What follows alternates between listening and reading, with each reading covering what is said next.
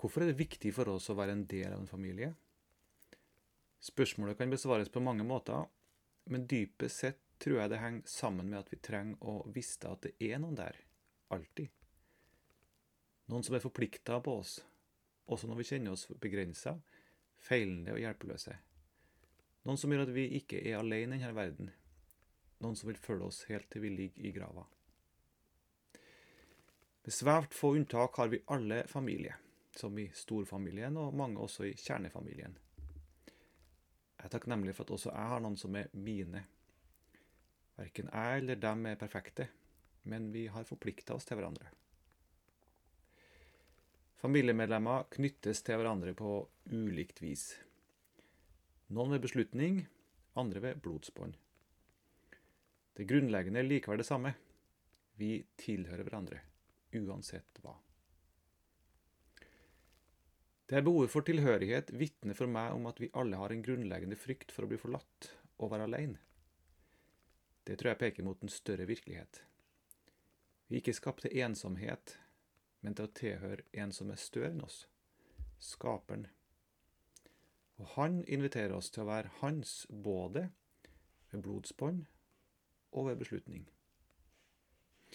Bibelens første side forteller at vi blir skapt i Guds bilde. Vi hører altså i utgangspunktet han til ved slektskap. I Bibelens tredje kapittel leser vi at vi som menneskehet kom bort fra relasjonen til han. Ved syndefallet fikk vi et opprør mot han i oss. Vi mista fellesskapet med han, og vi ble grunnleggende ensom.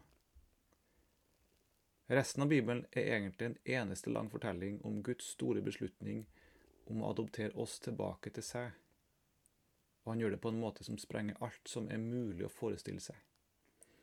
Gud sjøl får kjøtt og blod. I Jesus Kristus blir han fysisk en del av vår slekt. Så tar Jesus ansvaret for vårt gudsopprør, gjør opp for det i vårt sted og tar det vekk fra våre skuldre.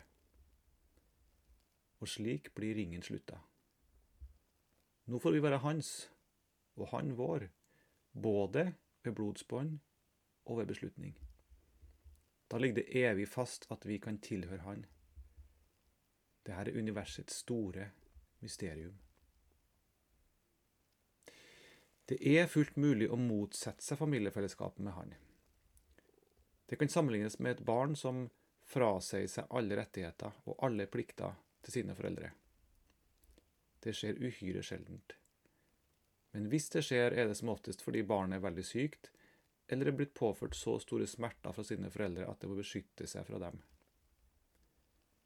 Sistnevnte kan aldri være tilfellet for et menneskes forhold til Gud. Han har aldri påført noen av oss noe vondt. Om vi tenker at han er urettferdig, ukjærlig eller ond, så er det fordi vi misforstår han og det han gjør, og at vi ikke kjenner han. Han har ikke gjort annet enn å møte oss med godhet, varme og ømhet. Det gir ingen mening å avvise hans farskap. Derfor gjør det han også så usigelig vondt når det likevel skjer. Men avviser vi han ikke, blir vi aldri ensomme. Til og med om vi står uten noen nære her på jord, eller når våre egne ikke lenger kan gå med oss, slik som når vi går inn i døden. Salme 27, 10 sier om far og mor forlater meg, vil Herren ta imot meg. Og Jesaja sier i sin bok Kan en kvinne glemme sitt diende barn, en omsorgsfull mor det barnet hun bar? Selv om de skulle glemme, skal ikke jeg glemme deg.